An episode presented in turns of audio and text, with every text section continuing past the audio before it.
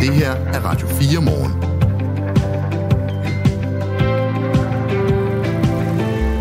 Danske beredskaber er ikke rustet til fremtidens klimaproblemer.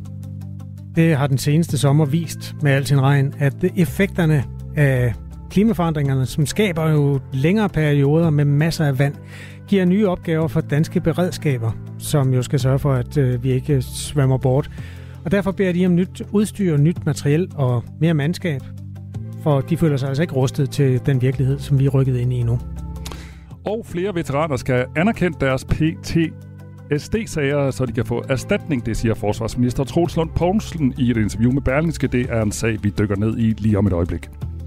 Så er der storkene. Øh, de er trukket ja. sydpå. Det vil glæde dig. At, øh... Jeg har selv foranstaltet den historie. Det kan du godt regne ud, ikke? Jo, jo. Jeg læser også bare op af et stykke papir. Ja. Vi kan godt lade fuglene fylde lidt i det her, fordi nu falder skoven trin om land, og fuglestemmen daler. Så storkene er åbenbart de første, der er begyndt at trække sydpå. De gider ikke mere. Vi runder sæsonen af, forstår jeg. Ja, for mig er det jo lidt ved mod, det ved du. For jeg har jo udnævnt mig selv til Radio 4 storkemedarbejder, så ja, jeg skal have fundet noget andet at kaste mig over. Jamen, du kan jo eventuelt lave storkehistorier fra sydlige himmelstrøg. Der er de jo altså året rundt. Ah, det er bare ikke det samme, vel? Som hvis de sidder ude, på lige at høre, ude hos bunderøven fra DR ude mm. på Djursland. Ja. Han har selvfølgelig haft en storkerede, hvor der har været storke og storkeunger i. Mm. Det er jo så dansk, som det kan blive. Jeg altså. har en altså- duerede, hvor der er dueunger i. Det er lige så fedt. Men det, vi tager den senere. vi tager den senere. Du lytter til Radio 4 morgen, og klokken den er 6 minutter over 8, og jeg hedder Michael Robach. Jeg hedder Kasper Harbo. Godmorgen. Godmorgen. Du lytter til Radio 4 morgen. Flere veteraner skal have anerkendt deres PTSD-sager, så de kan få erstatning, det siger forsvarsminister Troels Lund Poulsen i et interview med Berlingske. En af de ting, han overvejer at kigge på, det er en omvendt bevisførelse i de her sager, at det skulle være en løsning. Det skal vi tale om nu med Niels Hartvig Andersen, som er formand for Danmarks Veteraner. Godmorgen. Ja, godmorgen.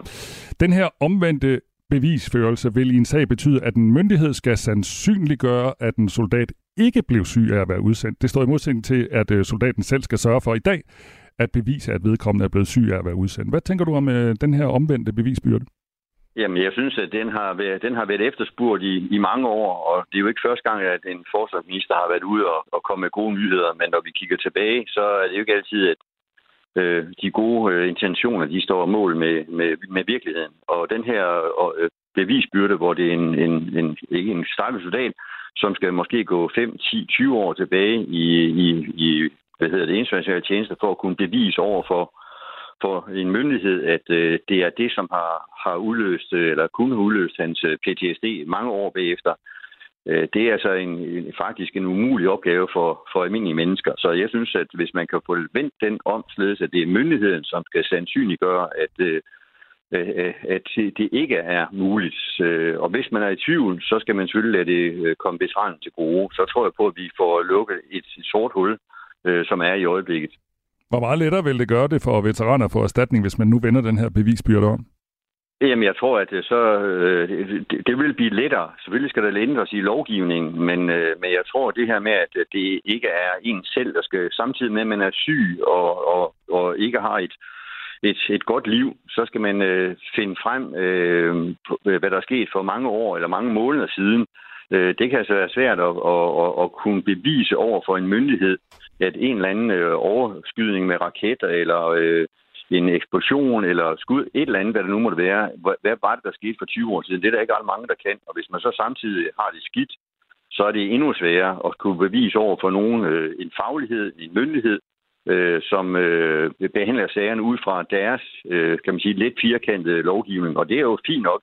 Men øh, når lovgivningen ikke virker, så, øh, så siger de gerne, at øh, man går ind og laver lovgivning om, således at det bliver myndigheden, der skal kunne bevise over for øh, nogle andre, at det, det er ikke derfor, vedkommende har fået PTSD. Og så sagde du sådan lige en bisætning, eller lige lidt ud af sidebenene for et øjeblik siden, at vi før blev lovet noget af forsvarsminister. Øh, tror du så på det den her gang, eller hvad?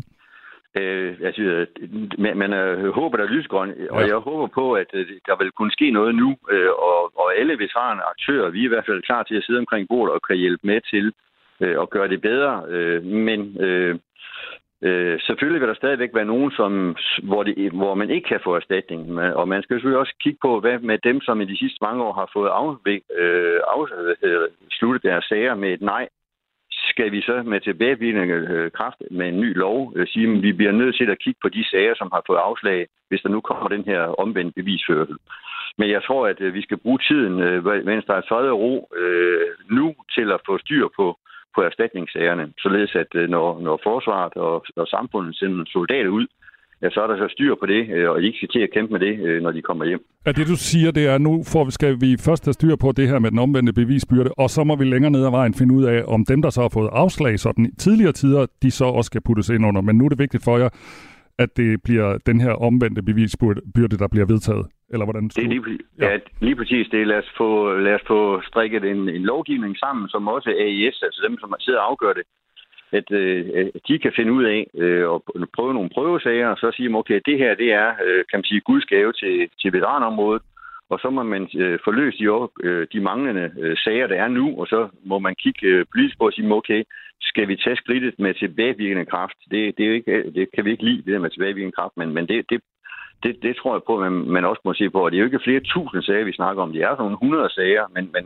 men en sag er jo en sag for mange i det her. Fordi det er livsødelæggende på PTSD. Mm. Vi taler om PTSD, som står for posttraumatisk stress disorder, hvilket oversættes til øh, posttraumatisk stressforstyrrelse, eller sådan en slags belastningsreaktion.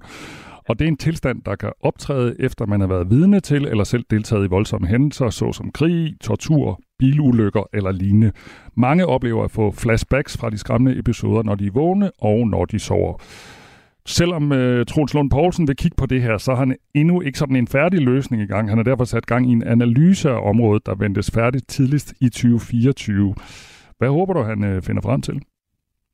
Jamen, jeg håber, han finder frem til, at det kan lade sig gøre med den her omvendte bevisbyrde, således at øh, det er systemet, som, som skal bevise, at øh, veteranen ikke har været udsat for noget, som, som øh, kan udløse PTSD. Øh, og så skal lovgivningen, altså dem, der sidder i AES og afgør de her sager, øh, de, de, de skal så bare til at lære og, og behandle sagen på en ny måde. Vi havde det her øh, i 2017 med Second Opinion, som øh, inklusive mig selv troede, at det, det, det ville være godt. Øh, men det viser, at man kan få rigtig mange speciallæger til at øh, og, og, og godkende, at man har PTSD, men det hjælper ikke, hvis øh, hvad skal man sige, det, der udløser øh, PTSD'en for 10 år siden, hvis det ikke kan accepteres af IS, så, så er der jo ingen tvivl om, at øh, IS de siger, at øh, vedkommende han er syg af PTSD, men det, der har udløst det kan vi ikke godkende. Mm. Øhm, så så det, det er ikke nemt. Men du har lidt forhåbninger den her gang, synes jeg, jeg kunne høre dig sige tidligere. Jamen, det, det, jeg håber på, fordi det er øh, i veteranverden, altså den eneste måde for at ligesom komme videre, det er den her omvendte bevisbyrde, øh, og, og vi vil gerne være med til at kan man sige, sætte ord på om, omkring bordet, hvis det kan hjælpe, øh, hvad hedder det, både med Forskningsministeriet og IS. Øh, vi, vil, vi vil gerne være med til, at, og jeg ved, at der er også advokater, som, som kører de her sager, som er specialister på det her område. Så øh, jeg, der er lysegrønt. Så øh, ja, ja, øh, bare det, at ministeren vil kigge på det, det er, det er, det er godt nyt. Sådan sagde Niels Hartvig Andersen, som er formand for Danske Veteraner. Tak skal du have. Ha' en god dag. Jo, tak imod. Hej. Hej. Du skal lytte til Overskud, fordi du bliver klogere på din egen økonomi. Vært Sofie Østegård hjælper dig med at få mest muligt ud af dine penge. Jeg tror nærmest ikke, det har været vigtigere at gå op i sin økonomi, end det er lige nu. Derfor får du de bedste råd fra vidne gæster og eksperter i Overskud på Radio 4. Selv den mindste økonomi, der kan man altså finde en lille bitte smule at rykke rundt på. Lyt til Overskud i dag kl. 13.05. Mine tre bedste råd, det er gør det, gør noget og gør det nu. Radio 4 ikke så forudsigelig. Vi har fået en dansk golfspiller helt op i den europæiske elite. Den 22-årige golfspiller Nikolaj Højgaard er udtaget til Ryder Cup-holdet. Det er et meget prestigefuldt hold. Det svarer ikke bare til at spille på et landshold, men at spille på et øh, udvalgt europæisk hold. Øh, sagen er jo den, at man møder USA, hvor de europæiske spillere skal repræsentere vores del af verden mod øh, stormagten USA. Og det er en kæmpe heder at være med på sådan et hold, fortæller Henrik Knudsen, der er Viaplays golfkommentator. Det, det, bare det overhovedet at få lov at være med på det hold, det er som sagt, det, det, det er lidt ligesom landsholdet. Altså det, det er det tætteste, vi kommer på, på landsholdsgolf i professionel golf. Ikke? Uh, at blive udtaget til landsholdet, det, det er fantastisk uh, for, for ham. Og øh, når man så bliver udvalgt, jamen så, så hviler der et ekstra pres på også at, at skulle levere. Det, det gør der klart, men det var det, Luke Donald ønskede ved at have de her captain's picks, som man kalder det. Altså, der er seks spillere, der kvalificerede sig via en rangliste, øh, eller to ranglister faktisk, og så var der seks, han valgte, og det var fordi, han ville gerne have så formstærke spillere som muligt. Og der er Nikolaj Højgaard altså blevet nummer 3 og nummer 5 i de sidste to uger, og, og i øvrigt viste sig rigtig positivt frem i andre uh, sammenhænge, så, uh, så det var det, det, der gjorde det. Så det, øh, det er både prestigefyldt, men det er også noget, der betyder, at der, der hviler et pres, fordi der er så andre, der ikke er kommet med på holdet, jo, så, så det er bare med at levere. Nikolaj Højgaard er altså 22 år og et af de nye skud på himlen. Han er en meget dygtig golfspiller, siger Henrik Knudsen. Han er et øh, usædvanligt stort talent, øh, og så den ekstra øh, krøl på halen. Han er tvilling med en, der er lige så stort talent, så det har været øh, fantastisk at følge. Allerede fra, fra de var juniorer, kunne man meget hurtigt mærke, at der var altså lige et par brødre der fra, fra Bilund, der kunne noget særligt. Så det, og det er gået rigtig stærkt. De, de er kun lige blevet 22 år og allerede sådan en etableret del af, af toppen af europæisk golf, og, og nu også på vej ind i USA. Så øh, vi har at gøre med et, øh, et usædvanligt stort talent. Nikolaj Højgaard er den fjerde danske golfspiller, der får den ære at tage del i Ryder Cup-duellen mellem Europa og USA. Tidligere har Thomas Bjørn, Søren Hansen og Torbjørn Olesen haft samme ære. Det er spørgsmålet om, hvorvidt han kan leve op til det pres, der hviler på skuldrene. Det er Henrik Knudsen så ikke i tvivl om, at han kan. Det er der ingen tvivl om. Altså det, det har han kun gennem hele karrieren. Både ham og hans bror var, var udtaget til Junior Ryder Cup tilbage i 2018, hvor de spillede forrygende golf sammen i øvrigt også. Og øh, de har været udsat øh, for, for de her det her præstationspres, og, og det er jo grunden til, at vi udråber dem til de her store øh, kommende stjerner, det er også, at vi kan mærke, at de kan lide det. De kan lide presset. Øh, for de, der har fulgt med, for eksempel i, i Made in Himmerland, en, en turnering, der blev spillet på dansk jord her i, i sommer, der, der vandt Rasmus Højgaard under et enormt pres også. Og de er simpelthen i den situation, at de, de kan lide det. De, de er ikke bange for det. Og det gør dem altså, udover at de spiller noget, en forrygende god gang golf, så, så gør det dem til noget ekstraordinært, fordi de, de kan simpelthen lide det. Rasmus Højgaard har allerede vundet på, på det, med, der før hed Europaturen, nu DP World Tour. Der har han vundet fire gange, og Nikolaj to gange. Og Nikolaj er ved at spille sig til et kort til den amerikanske tur også, og de er altså bare 22 år, så jo, du kan tro, de kan. Ja, så fik vi lige lært de nye golftvillinger at øh, kende, hvis ikke man kendte dem i forvejen. 22-årige Rasmus og Nikolaj. Og det er altså Nikolaj Højgaard, som øh, deltager på det europæiske Ryder Cup-hold i år. Han er jo ikke den eneste dansker. Den tidligere Ryder Cup-deltager øh, Thomas Bjørn er vicekaptajn på Europa-holdet. Klokken er 18 minutter over 8. Du lytter til Radio 4 morgen. Landets kommunale beredskaber er ikke klar til at tage hånd om de klimahændelser, der blandt andet byder på en masse oversvømmelser i fremtiden. Det her opråb det kommer fra Danske Beredskaber, som er en sammenslutning af de beredskaber, der er i de enkelte kommuner. Og det er jo den historie, som øh, Dagbladet Information er ude med, hvor øh, Jarl Vagn Hansen, der er formand for Danske Beredskaber, fører ordet. Ham har vi også fået fat i. Øh, godmorgen. Godmorgen. Beredskaberne, det er jo sådan lidt, hvad skal man sige, det, er blandet fornøjelse af ting, I skal tage af. Og nu bliver klimaet peget på som en af de væsentlige sådan forandringer, der har indtruffet i jeres arbejdsbetingelser. Hvad er det, der har forandret sig? Jamen helt generelt så ser man jo et, et risikobillede, der er meget forandret. Og når vi så zoomer ind på klimaet, så ser vi også et klima, som er i hastig forandring.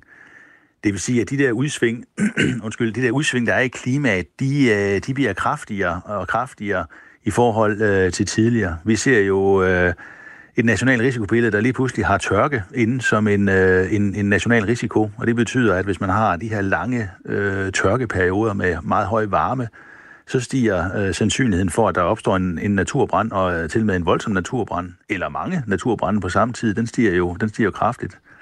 Og vi har jo allerede set nogle, nogle større naturbrænde også i Danmark, og hvis vi bare kigger en lille smule mere sydpå, så har vi set nogle helt ekstreme store øh, naturbrænde, som jeg også tror nogle danske turister, de har oplevet på lidt nærmere hold øh, i år, som de måske ikke egentlig ikke ønskede at opleve så tæt på. Det er sådan nogle udfordringer, vi står og kigger ind i, og derfor så synes vi, at det er betimeligt, at vi, øh, vi siger, at, øh, at vi stiller spørgsmål til, om vi kan håndtere øh, de store udsving, som, øh, som er på vej, øh, og som vi faktisk står midt i lige nu. Så det er brænde, der er det store problem. Hvad er det for noget udstyr eller personel, I mangler? Ja, ja, brænde er en ting. Øh, det kan også være, det kan også være vand. Men i forhold til brænde, så, øh, så ser man jo en, en anderledes øh, øh, type hændelse, end vi tidligere har været vant til. En stor naturbrand, den varer øh, i længere tid. Øh, den varer i, eller er, øh, omfatter et større område. Så det kræver jo mange folk på, på jorden til at, at håndtere det, også i, også i Danmark. Vi så jo i år oppe i Nordjylland, var der en, en større naturbrand, som faktisk varede i fem dage. Og det mest paradoxale var faktisk, at det brændte, mens det regnede samtidig i, øh, i juli. Øh, så det kræver mange styrker, og det kræver, lang, øh, det kræver lang, øh, eller godt logistik at holde en operation kørende i, øh, i mere end et døgn. Folk skal jo afløses, eller mandskabet skal afløses, så de ikke bliver slidt ned. Der skal jo køres noget så for, uh, simpelt som, uh, som mad og, og tøj frem til, til de folk, og drivmidler til pumper og lignende. Så, så det er jo nogle andre, hvad skal man sige, opgaver, end vi tidligere har haft. Det er nogle andre discipliner, vi skal være skarpe på, end vi, uh, end vi har trænet til uh, tidligere. Det er som regel politikerne, der skal komme ind til undsætning, når man råber op på den måde, som I gør her. Hvad er det, for nogle politikere? Altså er det Christiansborg, eller er det de kommunale? Og for det andet, hvad er det helt præcis, de skal bruge? Jamen, det er jo helt klart, at øh, det her det er et nationalt problem. Altså, det er jo ikke en enkelt kommunes problem, at klimaet det øh, har forandret sig så hastigt, som, øh, som det gør. Det er jo et, et verdensproblem, og dermed så bliver det et nationalt problem i, i Danmark at øh, have et øh, passende øh, svar på det. Men når vi snakker sådan helt konkret, jamen så kan vi jo se for vores øh, sydeuropæiske kollegaer, at de har noget andet brandtøj. De øh, bevæger sig rundt i, i, i terrænet. Øh, det brandtøj, vi har i Danmark, det er designet til, at vi går ind og slukker et, øh, et, et, et, et hus, for eksempel. Øh, og i Danmark, så, så er husene lavet af mursten, og det vil sige, at vi, de kan ikke brænde, men alt inde i huset kan brænde. Vi går ind i huset, slukker det, så vi har en branddragt, der beskytter os rigtig meget mod, mod varme. Og det vil sige, at det er en tung branddragt, det er en tyk branddragt, og det er selv, selv sagt, når man så står udenfor i 35 grader øh, varmt vejr, øh, og solen den bærer ned, så, så er det ligesom øh, at have, have et drivhus på, på. Man kan ikke, ikke komme af med varmen, og det vil sige, at man har en stor risiko for at kollapse som, øh, som brandmand på, på, på, på en mark, hvis man står der. Så, så det, det er for eksempel et, et eksempel på, at hvis vi er nødt til at have noget andet, have noget andet øh, udstyr øh, øh, til det, vi er måske nødt til at have noget mere mobile enheder, der kan køre rundt frem for store, øh, tunge øh, brandvogne hvis vi, eller brandbiler, hvis vi kører væk fra fast vej. Så det er et andet sted, man også øh, øh kan, kan kigge hen. Så, så generelt så trænger området til at blive, øh, blive efterset. Det er ligesom om, at øh, forsikringspræmien, den, øh, den, den afspejler ikke helt den risiko, der er i, øh, i øjeblikket. Naturbranden er jo velbeskrevet i nyhedsbilledet de sidste år, og øh, hver gang vi sådan beskæftiger os med fænomenet naturbrænde, så er der mennesker, der skriver ind, at det, det er jo påsatte brænde, og dermed øh, sådan ikke naturbrænde. Jeg forstår ikke helt, der, der er nogle ret konspiratoriske tankesæt omkring det der, men ikke desto mindre. For det første, er det påsatte naturbrænde, og for det andet, øh, er det forandrer det jeres opgave? Nej, om, øh, altså det, for os er det sådan set underordnet, hvordan branden er startet. Øh, jeg har nu ikke nogen tiltro til, at de skulle være, være påsat i Danmark. Øh, når solen er så kraftig, som den er, så kan selv et efterladt glas i naturen jo virke som et brændeglas øh, og, og, og lave den mindste, hvad skal man sige, øh, øh, glød, og dermed, hvis du har en, en let vind, øh, det har vi også set i sommer, her vi har faktisk haft storm her i sommer, så ikke? Og hvis du samtidig har en, en, en tør, øh, hvad skal man sige, øh, natur, og vi har en høj temperatur, og vi så har en glød, så kan sådan en naturbrand udvikle sig eksplosivt øh, hurtigt og brede sig over et meget, meget stort øh, areal i løbet af, af kort tid. Så, så selve indsatstaktikken øh, og teknikken for os er, er uafhængigt af, hvordan branden, om så må sige, er opstået. Vi har en hændelse, der skal håndteres, og det er det, vi er nødt til at, at, at forholde os til. Men, men, men et er jo brændende og den tør, de tørre sommer. Vi har jo også haft en ekstrem våd juli, øh, den vådeste i, i mands minde, så, så vi, vi har jo også vand, som vi skal håndtere.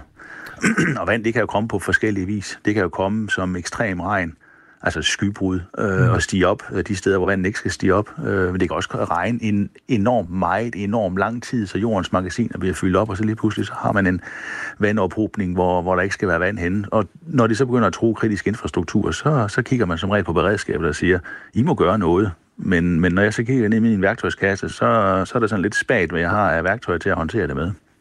Jarl Vagn Hansen her, altså formand for Danske Beredskaber, der øh, gerne vil have udvidet værktøjskassen, fordi klimaet har udvidet værktøjskassen. Vores lytter Jesper har skrevet, at vandfly må være vejen frem. Og her tror jeg, han tænker på fly, der kan fragte vand, og så man ligesom kan smide det ned ovenfra på nogle af de store brænde. Er det på jeres ønskeseddel, sådan øh, helt konkret? Jeg ved ikke nødvendigvis lige, om et vandfly er på vores, på vores ønskeseddel, men man, øh, man har et, et forsøg, altså øh, flyvevåbnet har i Danmark indkøbt sådan en, en vandballon, der, der kan hænge under en helikopter, øh, som et forsøg. Så vi har en, en vandballon øh, på forsøgsstadiet i Danmark, så det er jo et lille, lille bitte udtryk for, at at den her bevidsthed også trækker sig ind i, uh, i, i det nationale, hvad skal man sige, uh, forsvar, og man prøver at kigge på, om man, man, man kan hjælpe os, men, men vi har ikke afprøvet den endnu. Men ellers er der jo en EU-mekanisme, en EU, EU-civil beskyttelsesmekanisme, hvor, hvor landene kan trække uh, mod hinanden, og så kommer, det, så kommer staten jo med, uh, med ind i det. Men ellers er uh, geografien i Danmark sådan, at vi i udgangspunktet bør kunne køre dertil. Men øh, Øh, hvis en naturbrand breder sig, så, så meget og bevæger sig hastigt rundt i terrænet, så har vi måske brug for nogle, nogle lettere køretøjer, nogle små firehjulstrukne køretøjer, nogle ATV'er, som jeg tror, de hedder, altså sådan en, en lille offroader, man kan køre rundt på, i stedet for, at mandskabet skal, skal gå rundt. Så jeg ved ikke lige, om nødvendigvis vi skal ofre penge på et, på et vandfly, så jeg beder heller ikke om, om sådan noget urealistisk, men jeg beder om noget, der er realistisk afpasset til, til, til, til det danske forhold, når vi ligesom oversætter de her øh, nye klimaudsving. Jarl Vagn Hansen, tak fordi du vil øh, lade jeres stemme høre, formand for Danske Beredskaber. God dag til dig. Tak i lige måde. Fire minutter i halv ni er klokken. Du lytter til Radio 4 morgen. Øh, Kasper, vil du hjælpe mig med noget? Ja da. Øh, jeg skal lige have skruet ned på noget her. Øh, det var den der. Yes. Jeg skal jo lave noget om storke, og du ved, jeg er jo Radio 4... Du skal ikke fnys. Du ved, jeg er Radio 4 storke-medarbejder, og øh, ja. øh, cirka 5 minutter over halv ni skal vi mm, tale om storke, fordi storkesæsonen er ved at være slut. Og du ved, jeg har lavet nogle forskellige jingler ja. til det her storke, og jeg vil bare have dig til at hjælpe mig med, hvilken jingle synes du egentlig, jeg skal fyre af, fordi er det breaking news, at mm. storken er på vej hjem? Er det en stor nyhed? Nej. Skal vi bare have den lille glædelige? Vil du, alle mine jingler slutter jo med øh, knibrende storkenæb. Ja, lad os høre. Lad os høre. Altså, det her, det er den glade. Det var faktisk den, jeg startede med at lave først. Den hylder storken. Storken er en dejlig flyver. Koen har. Danmark er Ja, Ja, den kan jeg virkelig godt lide. den kan du virkelig godt lide. Ja. Okay, okay. Så har jeg også den, som jeg har brugt, når der har været sådan en mellemstor storkenyhed. Den får du lige her. Der kan du også lige høre, om det, du synes, det er den, jeg skal bruge. Nej. Nej. Du kan ikke sige nej nu.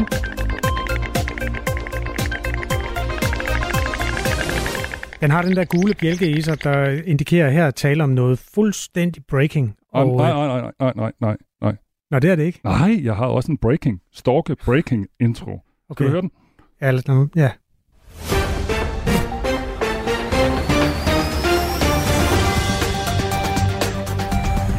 Ja. Der vil jeg gerne sige, Du at kan da høre den færdig. jamen, der vil jeg gerne... Vi skal jo lige frem til det vigtigste. Mm. Ja. Der vil jeg gerne sige, at øh, når der er tale om en begivenhed, der indtræffer hvert eneste år oh, på præcis samme tidspunkt, så synes jeg måske, at vi ikke er i breaking, men det, så kører den der med en dejlig flyver for himlens skyld. Den, den er jeg til Men du skal jo bare huske på, at jeg har været ansat på TV2 News. Ja. Og der vil jeg bare sige, at der er masser af begivenheder på TV2 News, som er forudsigelige, Mm. og som man ved kommer. For eksempel Folketingets åbning. Ja. Pling, gult, breaking. Ja, ja. Også selvom den er forudsigelig. Så i hvert fald hos andre medier, der kan man altså godt gå i et stor breaking, som det hedder, selvom det er noget, der er forudsigeligt. Men du synes... Jeg har en fortid på P4, og der Åh. vil jeg gerne sige, at øh, de dage, hvor der var varslet øh, snevejr i Danmark, og dermed måske der kunne blive lidt glat, og man skulle risikere at køre hjemmefra 10 minutter før, der steg lyttertallene med 20-25 procent, fordi alle mennesker vil høre om ja, det, vi ligesom er opdraget til i det her land. Hvis der bare er en fli af katastrofe rundt om hjørnet, så skal man gå ind og tænde for Danmarks Radio.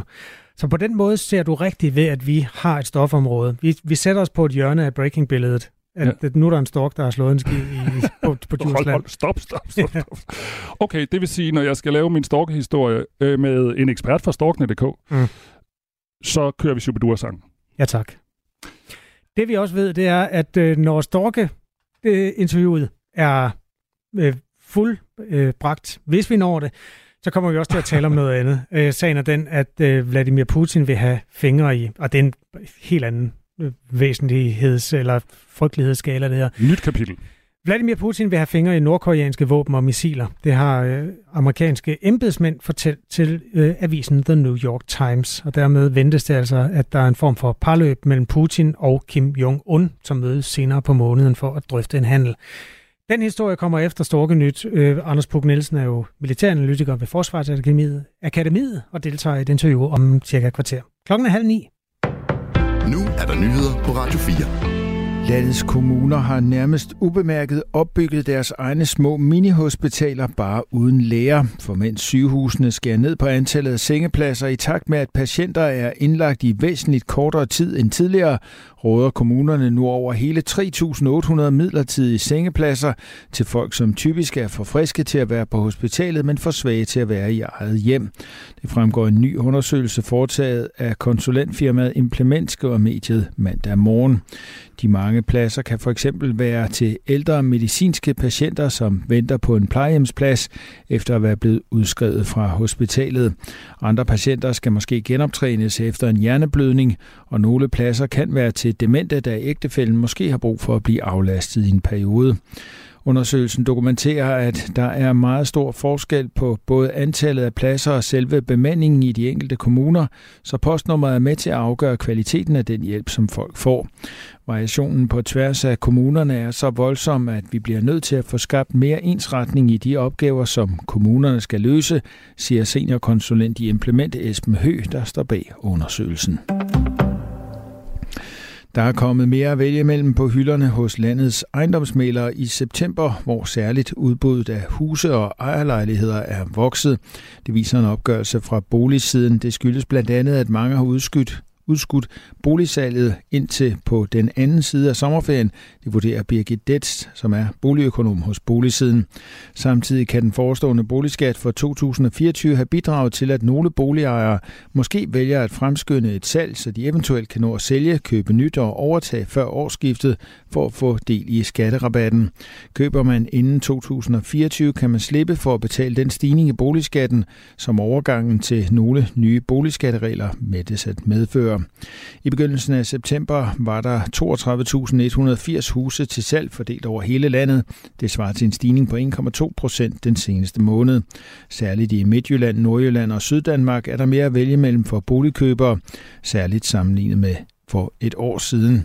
I Midtjylland er der i september 21 procent flere boliger til salg sammenlignet med samme måned sidste år.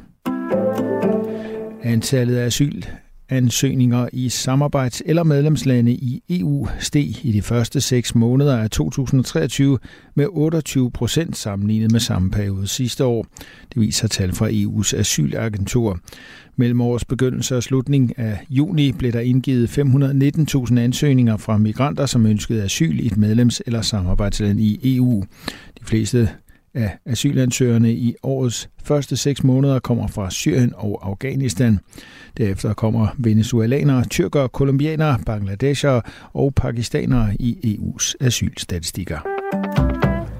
Det gav formentlig anledning til løftet øjenbryn hos russiske avisabonnenter, da de tilbage i maj kunne læse, at en række kubanske statsborgere havde skrevet kontrakt med den russiske hær og var rejst til Ukraine for at kæmpe i bytte for russisk statsborgerskab. Ikke desto mindre har det vist sig at være en del af en større historie, i hvert fald hvis man skal tro Kuba, hvis Udenrigsministerium oplyser, at man har afdækket et netværk af menneskehandlere, som arbejder på at lokke kubanere til krigen i Ukraine. Pressemeddelelsen fra det karibiske land giver kun få detaljer, men oplyser, at netværket har opereret i både Rusland og Kuba, som ligger mange tusind kilometer fra hinanden. Den russiske regering har ikke kommenteret historien. I morgentimerne diset eller tåget mange steder, ellers bliver det tørt og solrigt vejr i dag. Vi får temperaturer op mellem 18 og 25 grader, lokalt lidt varmere. Det her er Radio 4 morgen. Husk, at du kan sende os en sms på 1424. En 24-årig mand fra Aarhusområdet er blevet sigtet for at have dræbt to kvinder. Den seneste af de to ulykkelige hændelser skete søndag aften, hvor en ung kvinde blev fundet død.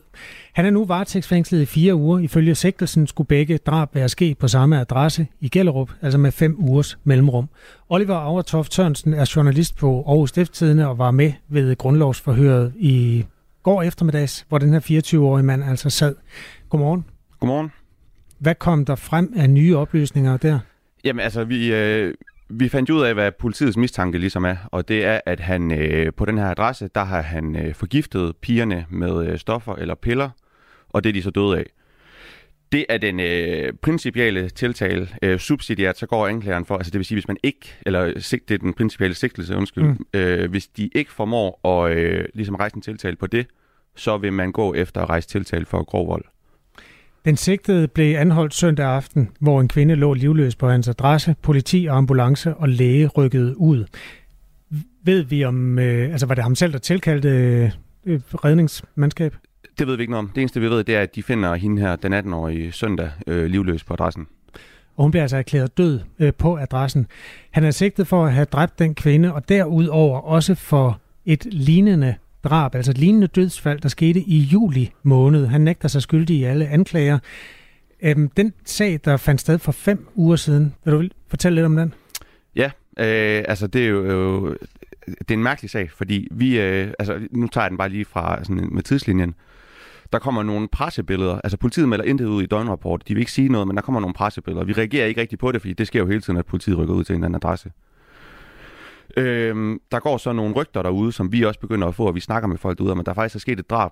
Øh, der er forskellige rygter, de stemmer ikke nødvendigvis overens med, hvad der så er sket, men, øh, men vi prøver i hvert fald at forholde politiet til det, og de vil ikke sige noget. Øh, og afviser også nogle konkrete rygter, som der så heller ikke var helt hold i, men stadigvæk, de, de siger ikke noget om det her drab, og vi afventer sådan lidt, og vi, er ved, at- vi har gode kilder på det, og vi er ved at skrive en historie, men da der ligesom er gået en uge, og politiet ikke har meldt noget ud, så tænker vi, altså det må være en anden, det må være blæst op der, for ellers så var der kommet noget. Det kan ikke passe, at nogen pige dør øh, på den måde, og der ikke ligesom bliver meldt noget ud. Du nævner nogle pressebilleder. Hvad, hvad er det? Ja, altså vi kunne bare se nogle øh, altså, betjente ude på den her adresse med, med det, der ligner retsmediciner, og det var også det, vi fik at vide fra kilder derude, at, at det var. Det er en sådan, en, viser det sig, en 23-årig kvinde, ja. Ja. som, hvad, som så dør kort efter. Ja, øh, altså vi, øh, vi tror jo dengang, at hun er død på adressen. Øh, Det viser sig så, at det, det fandt vi ud af til grundlovsforhøret i går, at hun dør faktisk først fire dage senere på hospitalet. Men sigtelsen er en til en den samme, altså ved forgiftning med piller eller stoffer og subsidiært øh, grov vold. Dengang henvendte I jer til øh, politiet, fordi I havde nogle informationer om, at man havde mistanke om, om en drabsag. Hvad, hvad sagde politiet dengang? Jamen, de vil ikke sige noget. Altså, øh, til at starte med, så havde vi hørt, at det var, der var tale om ærestrap, og det afviste de. Øh, og så var vi sådan, okay, nå, okay, I afviser det. Kan I så afvise, at de var rykket ud til drab eller noget i den stil? Og det ville de ikke så var vi sådan, okay, det, det er mistænkeligt, det er mærkeligt. Øh, ja, øh, og vi, vi burde jo, set i lys nok have skrevet det, og politiet, tænker jeg også, altså man kan i hvert fald godt spørge dem, burde de have været mere offentlige? Kunne man på den måde ligesom have undgået det ved, at der var lagt noget pres på, og altså ja, men kunne man forestille sig, at når politiet ikke ligesom bekræfter det drab, og ikke går ud øh, sådan offensivt og fortæller, at der har været drab, at det så var fordi, de ikke troede, det var, der var tale om et drab, men måske, som du selv siger, måske at nogen, der har prøvet og eksperimenteret med stoffer, og så er omkommet i den forbindelse. Ja, ja, helt sikkert. Altså, og det er, også, øh, det er også det, det virker til, at, at der faktisk er sket derude. Men altså, jeg tænker sådan, øh, hvor, hvor tit sker det så, at unge piger øh, hjemme i fremmede mænds adresser, på, hjemme på fremmede mænds adresser, ligesom bare afgår ved døden, uden at vi får noget at vide. Altså, i døgnrapporten, så står der, hvis nogen øh, falder på et løbehjul. Altså, det er jo, ja. Der er mange måder at dø øh, med medicinsk øh, mellemkomst på. Altså, der er nogle stoffer, man tager øh, frivilligt, hvor der så kan være noget galt med dem, og, og så rammer de hjertet eller et eller andet. Der kan også være sådan ufrivilligt, at man bliver bedøvet uden at vide det. Øh, ved du, hvilken type øh, sag vi er ude i her? Nej, altså, men altså, nu er der jo rejst, øh, det er jo så vigtigt at sige, der er jo ikke rejst tiltale, øh, men der er i hvert fald rejst sigtelse for drab, så man må, altså man må næsten gå ud fra, at politiet ligesom har et eller andet arbejde ud fra, som gør, at det ikke bare er, at de her piger sådan helt frivilligt har taget en overdosis. Øh, men hvad der reelt er sket, det kan vi jo ikke sige noget om. Der er jo ikke nogen tiltale, så... Hvis det her er drabsag nummer to, og det, så er det jo fordi den første var en, en drabsag, det må på et eller andet tidspunkt give anledning til, at politiet skal forholde sig til, at de ikke rykkede ud på den første. Øh, Ved du, Ja. hvor langt man er med det? Øh, nej, altså jeg, jeg ved, vi har en masse spørgsmål, og vi, øh, vi, jeg, tror, også- jeg tror faktisk, vi fik muligheden for at få et interview i går, og der kunne vi simpelthen ikke nå det øh, efter grundlovsforhør, så vi, vi skal snakke med politiet i dag, og der har vi jo en hel masse spørgsmål, vi gerne vil have svar på. Den sigtede mand er varetægtsfængslet i fire uger. Ved du, hvad der sker herfra? Altså, så den første drabsag er jo pludselig fem uger gammel, og så kan der være mange ting, der, der er forsvundet i forhold til beviser osv.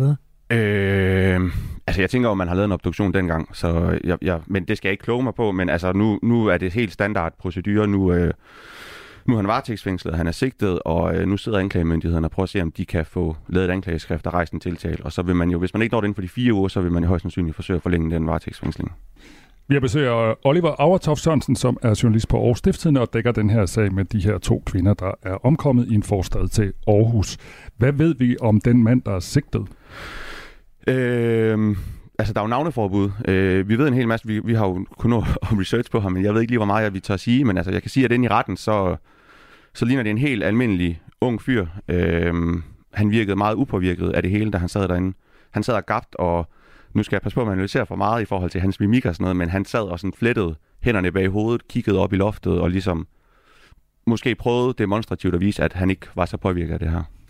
Og fra politiets side har man sagt, at både den 18-årige kvinde og øh, den nu sigtede i sagen er danske statsborgere. Så det er, hvad man i hvert fald offentligt har meldt ud øh, omkring øh, identiteten.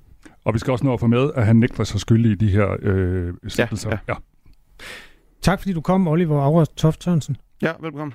journalist på Aarhus Stifttidende, og altså som var med ved øh, det grundlovsforhør, som i går måned ud i fire ugers varetægtsfængsling til den 24-årige mand. Klokken er 8.41, og dine værter her til morgen er Kasper Harbo og Michael Robach. Det her er Radio 4 morgen. Husk, at du kan sende os en sms 1424. Kasper, vi har jo fået afklaret inden nyhederne, hvilken øh, intro jeg skal bruge til vores næste indslag, og du har fået lov til at bestemme, og den kommer her.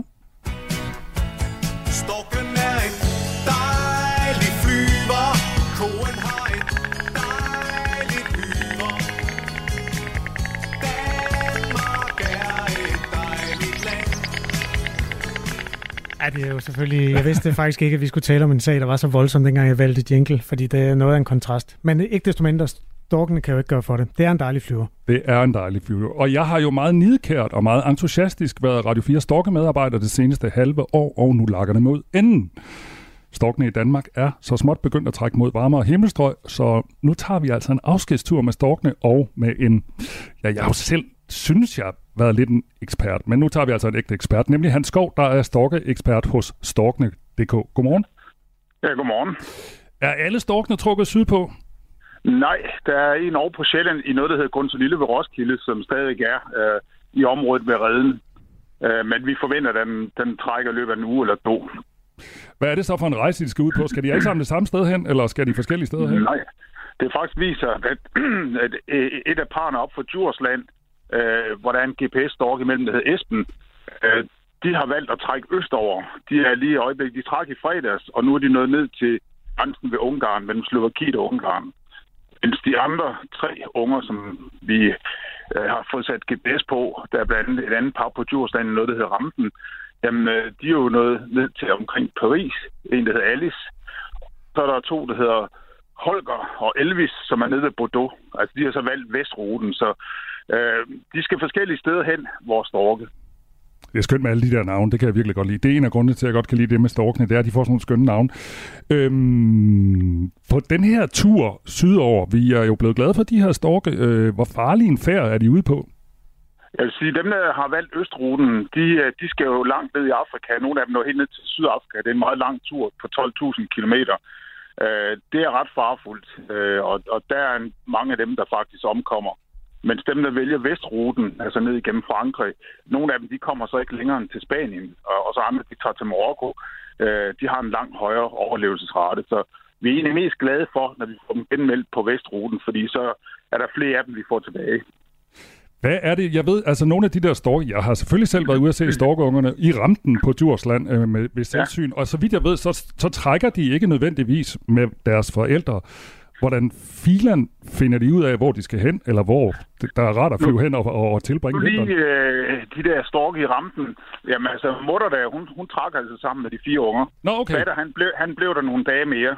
Øh, og dem for reven, de er også trukket afsted, øh, alle fire stykker. Øh, men altså, det er rigtigt, de kan også trække selv. Øh, det gjorde de faktisk. Øh, Elvis, han øh, kommer ned fra Rens ved grænsen.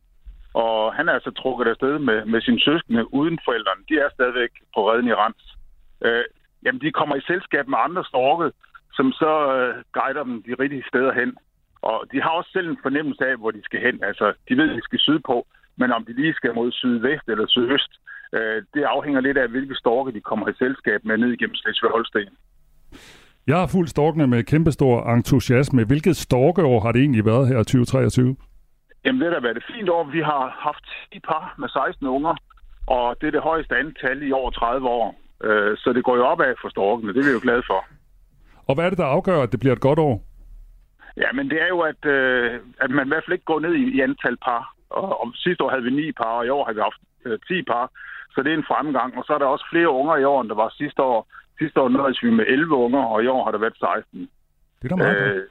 Ja, det er meget godt. Og det, det stiger jo, fordi at der er et bestandstryk, der kommer op til os ned fra Tyskland af. Det er ikke fordi, at levevilkårene i Danmark er bedre, fordi faktisk alle de der par, vi har, som har haft succes, dem har man måttet fodre, øh, for at det gik godt. Okay. Så det er sådan lidt ligesom med ulve, ulvene egentlig. Altså det er no- nogle bestande, der egentlig bare ikke har la- lagt mærke til, at der var lige en grænse, og nu er de kommet til Danmark, og så er vi helt vildt begejstrede her. Ja, lige præcis. Altså, det er meget tilfældigt, at de kommer herop. Og så finder de jo altså nogle redder, som Storkene DK har tilrettelagt for dem. Og så er vi jo så heldige, at der er nogle af stederne er nogle folk, der tager hånd om dem, når det kan for dem selv at finde med, at der så er blevet udlagt noget, så, så de kommer igennem sommeren med, med, med store, flotte unger. Nu føler jeg jo næsten, og det er der sikkert mange andre end mig, øh, jeg er blevet dus med Connie og Torgil og Holger og Else og hvad de ellers alle sammen hedder. Nu er de næsten væk alle sammen, siger du. Det er jo også lidt trist. Altså, hvad, hvad, hvad skal man som øh, dyreentusiast øh, kaste sig over her i vinterhalvåret? Har du godt bud? Ja, man kan jo prøve at gå ind på Movebank eller Animal Tracker, så kan man jo se, hvor de her storke, som lige har nævnt, de er henne. Man kan simpelthen se dem dag for dag, hvor de er nået til. Øh, og nu kender man navnene. Det er lidt nemmere, end hvis det var nogle ringnumre. Dem har folk svært ved at huske. Men når de har de her navne, så kan man lynhurtigt øh, finde dem i systemet, og så finde ud af, hvor er de nu henne. Så jeg havde På den egentlig... måde kan man sige, at storkesæsonen er ligesom, den har vi fået udstrakt til hele året, hvor vi før måtte vinke farvel til dem her sidst i august, og så ikke anede, hvad der skete før de kom tilbage igen i, i april. Øh, så ved vi jo faktisk nu, hvor nogle af dem er hen over vinteren. Så det vil sige, at jeg havde lagt an til, øh, at nu var mit stofområde simpelthen slut. Du siger, at jeg kan bare fortsætte. Jeg kan bare følge de der storke, og så er der masser af stof. Jamen, det kan du, fordi nogle gange laver de så også noget sensationelt. Altså, der, der var en storkunge, der hed Findus, eller hedder Findus, som kommer ned fra grænseområdet Brødrup. Og øh, den har lavet et, et nummer, som man aldrig før har set. Altså, det ene år har den valgt at trække ned til Spanien, og så kom tilbage året efter, og var heroppe i Danmark også. Og så, da den trak en gang mere, så trak den østover. Det har jeg aldrig set før, at de, de har forskellige trækruter, den samme fugl. Og den her, den var så, så usædvanlig, at den røg ned til Chad i Afrika, og så selvom den egentlig var kommet fra øst af, så trak den tilbage til Europa af vestruten. Så den har taget hele cirklen rundt. Det, det er aldrig dokumenteret før, at en storkning kan gøre det. Okay, det er jo vanvittigt. Det er spændende. Super, ja. Tusind tak for en interessant snak. Ja, det er godt. Ja. Hej, det var altså Hans Skov, som er storkekspert ved storkene.dk. Og øh, det bliver en lang vinter. Nu kan vi så glæde os til at høre Michael Robach fortælle, at Storken John er landet i Polen og så videre. Ja, jeg havde egentlig fundet det her lidt triste. Det er det triste, nu- tristeste nummer, jeg kender. Det har jeg fundet frem, fordi nu skulle det afslutte min, øh, min tid som storkemedarbejder. Men øh, du har ikke hørt det sidste til storkene, kan jeg godt love dig. Klokken er 12 minutter i 9. Du lytter til Radio 4 morgen. Vladimir Putin, Ruslands præsident, vil have fingre i nordkoreanske våben og missiler. Det har anonyme embedsfolk fra USA fortalt til avisen øh, New York Times. Og derfor forventes det, at Putin og Nordkoreas Kim Jong-un senere på måneden mødes for at drøfte en handel.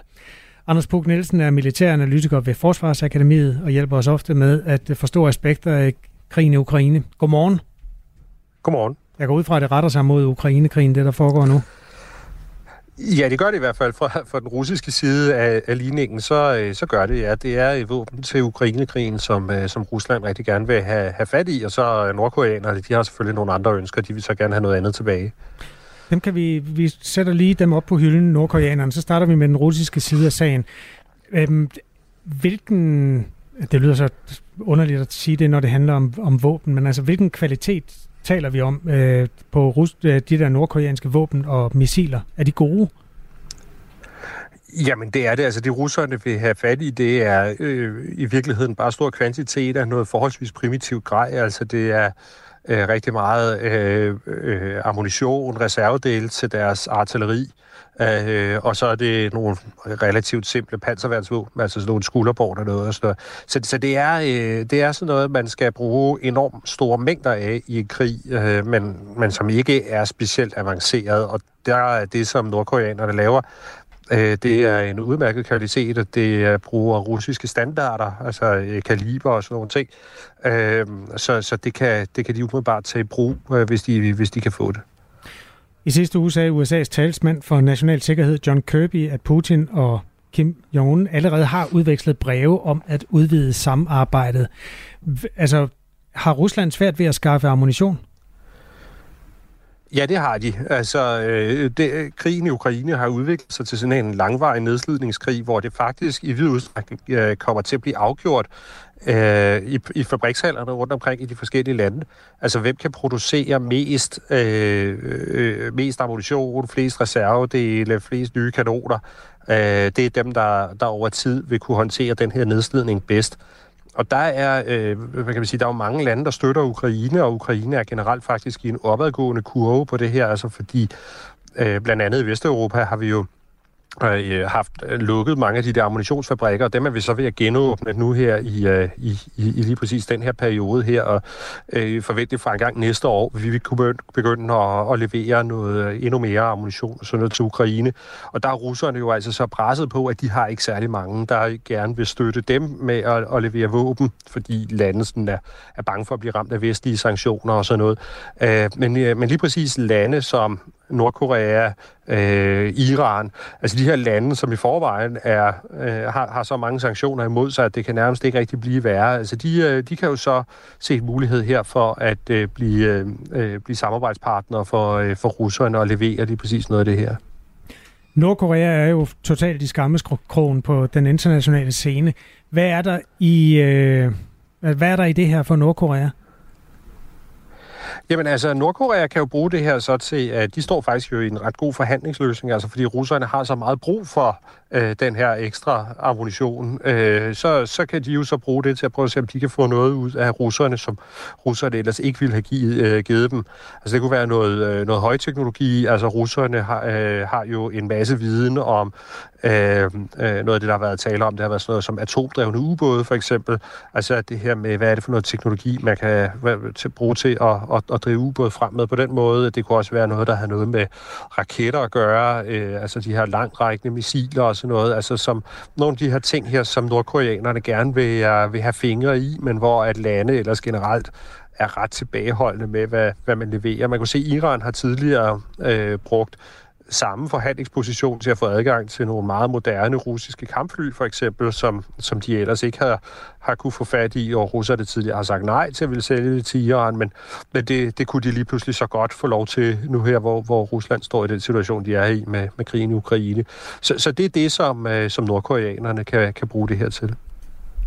Det her det handler altså om et samarbejde, som er blevet meldt ud på højeste sted mellem Putin og Kim Jong-un, der stiller sig skulder ved skulder. Øhm, hvis vi lige skal tolke på det, at det er så åbent det her, altså fordi det, det er jo ikke nogen, det er jo ikke nødvendigt sådan set at fortælle resten af verden, hvor man får sine våben fra. Hvorfor øh, bliver det sådan blæst op på den måde, det bliver? Ja, altså det er jo, øh, over tid har øh, det her samarbejde jo øh, øh, spillet en større rolle. Vi så, at Ruslands forsvarsminister var på øh, officielt besøg i Nordkorea i, øh, i juni måned, eller juli tror jeg det var. Øh, så så det, er, det har måske været sådan en optakt til det her, hvor det nu kommer så helt op på præsidentniveau.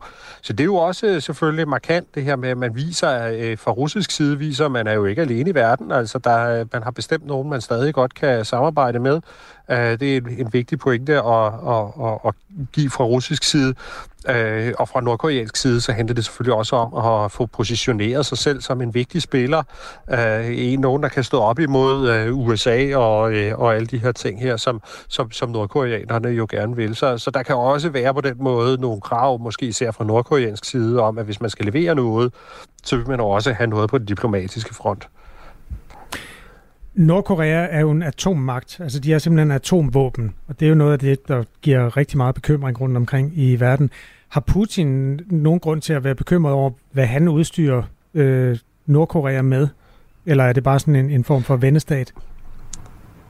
Jamen, altså, det, øh, man kan sige, at russerne burde i hvert fald være bekymrede over det her også. Og generelt så er atommagterne jo også bekymrede omkring alt, hvad der hedder Øh, øh, spredning af atomvåben, og, og, og generelt det her princip om ikke-spredning holder man meget højt øh, i, i hævd blandt atommagterne. Der plejer at være ret god disciplin omkring det her, og det er jo lige præcis der, hvor bekymringen godt kan være, at når Rusland nu står i sådan en uh, lidt desperat situation her, at de kan finde på at gå på kompromis med nogle af de her ting, og give noget teknologi til, til nordkoreanerne, som det på den lange bane simpelthen ikke er godt for verdensfreden, at de får.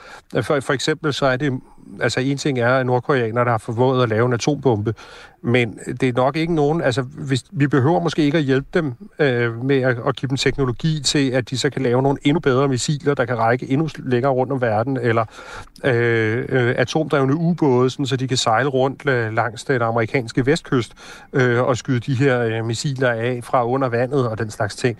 Altså det, det er jo sådan nogle af de der teknologier, som nordkoreanerne stadig ikke har, og hvor det nok trods alt øh, må sige, vil, er meget godt, hvis det, hvis det blev ved med at være sådan, at de ikke havde den teknologi. USA er jo ikke nogen sådan helt uvildig part, når man skal have efterretninger øh, fra den internationale scene. Kan man overhovedet regne med de ting her, når de bliver sagt? Altså, jeg vil sige, det virker i hvert fald plausibelt, at, øh, at det her det er, det er noget, der kommer til at finde sted. Altså dels fordi øh, den russiske forsvarsminister, som sagt for halvanden måned siden, var i øh, Nordkorea, og det var jo noget, der blev tv-transmitteret og, øh, og, og gjort et stort nummer ud af. Men også fordi vi har faktisk tidligere set nordkoreanske våben blive øh, brugt i Ukraine, Øhm, så, så det ville ikke være, altså, det, det ville ikke være helt øh, banebrydende nyt, øh, at, at Nordkorea, Nordkorea leverede et eller andet til russerne, som kunne bruges der. Øh, så, så på den måde kan man sige, at det er plausibelt, at, øh, at russerne kigger den vej, og at, øh, at der godt kunne være sådan en, en, en aftale på vej. Tak fordi du var med i Radio 4 Morgen, Anders Puk Nielsen. Ja, velbekomme. Militæranalytiker ved Forsvarsakademiet. Klokken er 3,5 minut i 9. Radio 4. Ikke så forudsigeligt. Vi tager lige... Vi tager lige et stykke mere med fjerkræ. Fordi jeg har lagt mærke til noget, Kasper. Det er det en due. Ja. Det er faktisk en ringdue. Ja, det er det. Og jeg har lagt mærke til, at du på Facebook for tiden opdaterer rigtig meget om en due, der er flyttet ind i din altankasse. Ja, det er så dejligt. Den er flyttet ind og ud fem gange eller sådan noget. Den øh, kommer, og så lægger den et æg i altankassen, og så ligger den på den, eller det er faktisk de, for det er et par. Nå. Så skiftes de til at ligge på ægget. Øh, Og der ikke kommet nogen unger ud af det, eller hvad? Nej, fordi det er gået galt hver gang åbenbart. Nå. Altså, der er jo mange ombud, der er alliger, der gerne vil spise ægget, og så kan det også være, at det bare er dødt. Fordi nogle gange så... Altså her forleden, der var duet til... Den Du, hedder du, Duet. ja, det har jeg set Øh, duen var ikke hjemme. til festuge. Var Ja, det, det, var, det- var det det, ikke det, du skrev? Det var teorien i hvert fald. Det var lørdag aften. Der var, lå det i tre timer, og der var pivkoldt, så jeg tror faktisk, at vi risikerer, at det er dødt allerede. Men jeg er meget glad for mine duer, ja. Ja, fordi det er jo lidt sjovt. Øhm, jeg er ikke så glad for duer. Jeg synes, de er lidt klamme. Jeg siger det, som det er. Mm. Øh, Mm. nu lægger jeg mig he- ud med hele den ornitologiske Danmark. Og jeg elsker jo storke. Det er jo ikke, fordi jeg ikke kan lide fugle. Mm. Men jeg synes, duer har sådan noget... Folk kalder den flyvende rotte. Ja. Tro, tro mig, jeg har engang haft en rotte inde i min lejlighed. Mm. Øh, jeg vil hellere have en due ind i lejligheden. Men det, der er jo sådan et eller andet lidt... I hvert fald dem inde i byerne. Hvor jeg tænker, de lever jo af cigaretskåder og, og øh, pølsebrød. For det første, så tror jeg, du skal tage en tur til Afrika og prøve at se, hvad storkene lever af dernede. Det er altså, hvis bare de kan få cigaret. Nu bliver det en kamp om, hvad er værst en stork eller en due. Ja. Ja, men jo, der er der nogle duer, der er ulækre, men der findes jo også ulækre mennesker, Michael. Jo, jo. Og, øhm, Men de bor ikke i min altankasse. Nej, men du ved, jo, altså... Jeg tror, det handler om sådan en fremmedgjorthed over for naturen. Fordi det er meget sjældent, at vi har dyr tæt på, i bred forstand. Hvis det var en grævling, der sad en halv meter fra dig, så ville du også synes, det var ulækkert. Fordi Så vil jeg være bange, det kan jeg godt sige til. Ja, ja, ja. Jeg ved det ikke. Det er jo, altså, jeg er meget... Øh, sådan går ind på naturens præmisser. Jeg er jo også flyttet fra en landsby og ind til Aarhus for ikke så længe siden. Og så tager man, hvad man kan få. Altså, jeg vil hellere have en dompap, men det kan jo ikke lade sig gøre. Åh oh, ja, selvfølgelig. Nå, men øh, hvis der sker noget, altså nu har vi jo efter lidt, efterladt et lille nyhedshul i forhold til storkene, så du må opdatere lidt på Durit, hvis hun øh, laver løjer, som er værd at belemre øh, lytterne med. Ja, hvis hun yngler, for eksempel. Altså, det bliver jo gjort til en stor ting, når det er en stork, der gør det. Jeg synes, at miraklet er en til en det samme, når en due lykkes med at, at klække noget. Også fordi de er sådan nogle idioter. Altså, på, på alle tænkelige måder. Det er jo ikke... Det er jo de ikke skal storke. Nej. Nej, Okay, det kan vi vende tilbage til. det gør vi. Du lytter til Radio 4 morgen. Og vi er ved at være færdige med tre timers morgenradio, men som sædvanligt, så bliver vi efterfuldt af Ring til Radio 4. Vi kan se Sylvester Guldberg Røn er ved at gøre sig klar ind i studiet, han vinker til med. Og øh, Sylvester har i hvert fald tre gode spørgsmål, synes jeg, som er lige til at forstå. Det ene er, er det usolidarisk at pirke, eller er det i orden at tage en majdag?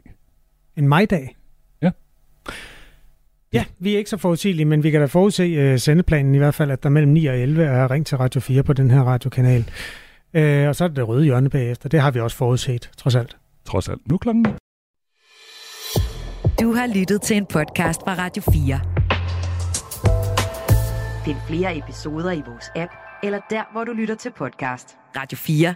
Ikke så forudsigeligt.